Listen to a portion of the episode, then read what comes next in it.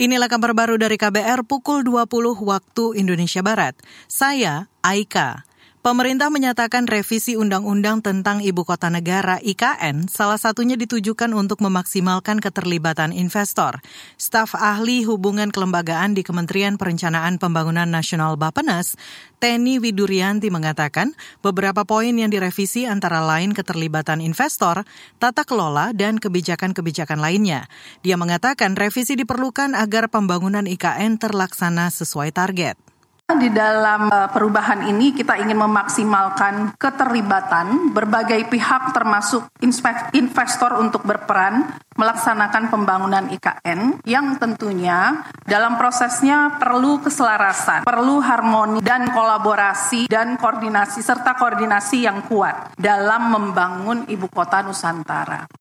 Staf ahli hubungan kelembagaan di Kementerian Perencanaan Pembangunan Nasional Bapenas, Teni Widurianti menambahkan, revisi Undang-Undang IKN juga dilakukan untuk memperkuat peran otoritas ibu kota negara. Revisi Undang-Undang IKN saat ini sudah masuk dalam program legislasi nasional prioritas 2023. Padahal, belet ini baru disahkan pada awal 2022. Kita ke informasi lain. Lembaga Pengawas Pelayanan Publik Ombudsman RI meminta pemerintah mengevaluasi penyaluran pupuk bersubsidi. Anggota Ombudsman RI, YK Hendra Fatika mengatakan, Ombudsman masih banyak penerima laporan terkait pemberian pupuk subsidi yang tidak merata, sehingga mengancam produksi para petani.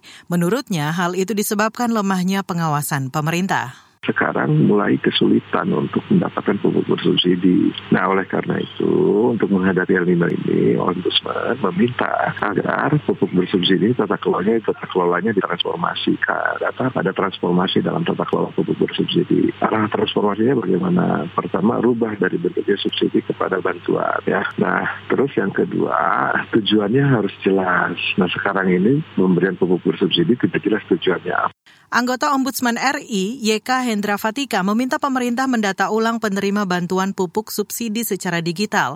Selain itu, pemerintah diminta menambahkan anggaran pupuk subsidi. Apalagi saat ini, petani tengah menghadapi tantangan cuaca ekstrim akibat El Nino yang dapat mengakibatkan kegagalan panen. Kita ke Aceh.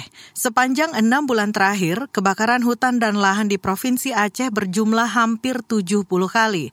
Kepala Pelaksana Badan Penanggulangan Bencana Daerah BPBA Ilyas mengatakan, kebakaran menyebabkan 220 hektar areal hutan dan lahan ludes terbakar. Ilyas memperkirakan kerugian akibat karhutla di Aceh mencapai 30 miliar rupiah. Yang paling penting kan ya, masyarakat yang pertama harus waspada kan, waspada yang pertama siap menghadapi bencana karena bencana ini kan bisa datang kapan saja kan gitu dan di mana saja ya. Kalau kita dari BPBA kan memantau lewat kabupaten kota kan gitu kan. Kepala Pelaksana Badan Penanggulangan Bencana Aceh BPBA Ilyas mengimbau masyarakat tidak membakar sampah atau membuang puntung rokok di area hutan terlebih saat musim kemarau. Saudara Pusat Data dan Informasi BPBA mencatat periode Januari hingga Juli ini, Aceh telah dilanda 270 kejadian bencana yang didominasi kebakaran dan angin puting beliung. Inilah kabar baru dari KBR pukul 20 waktu Indonesia Barat. Saya Aika.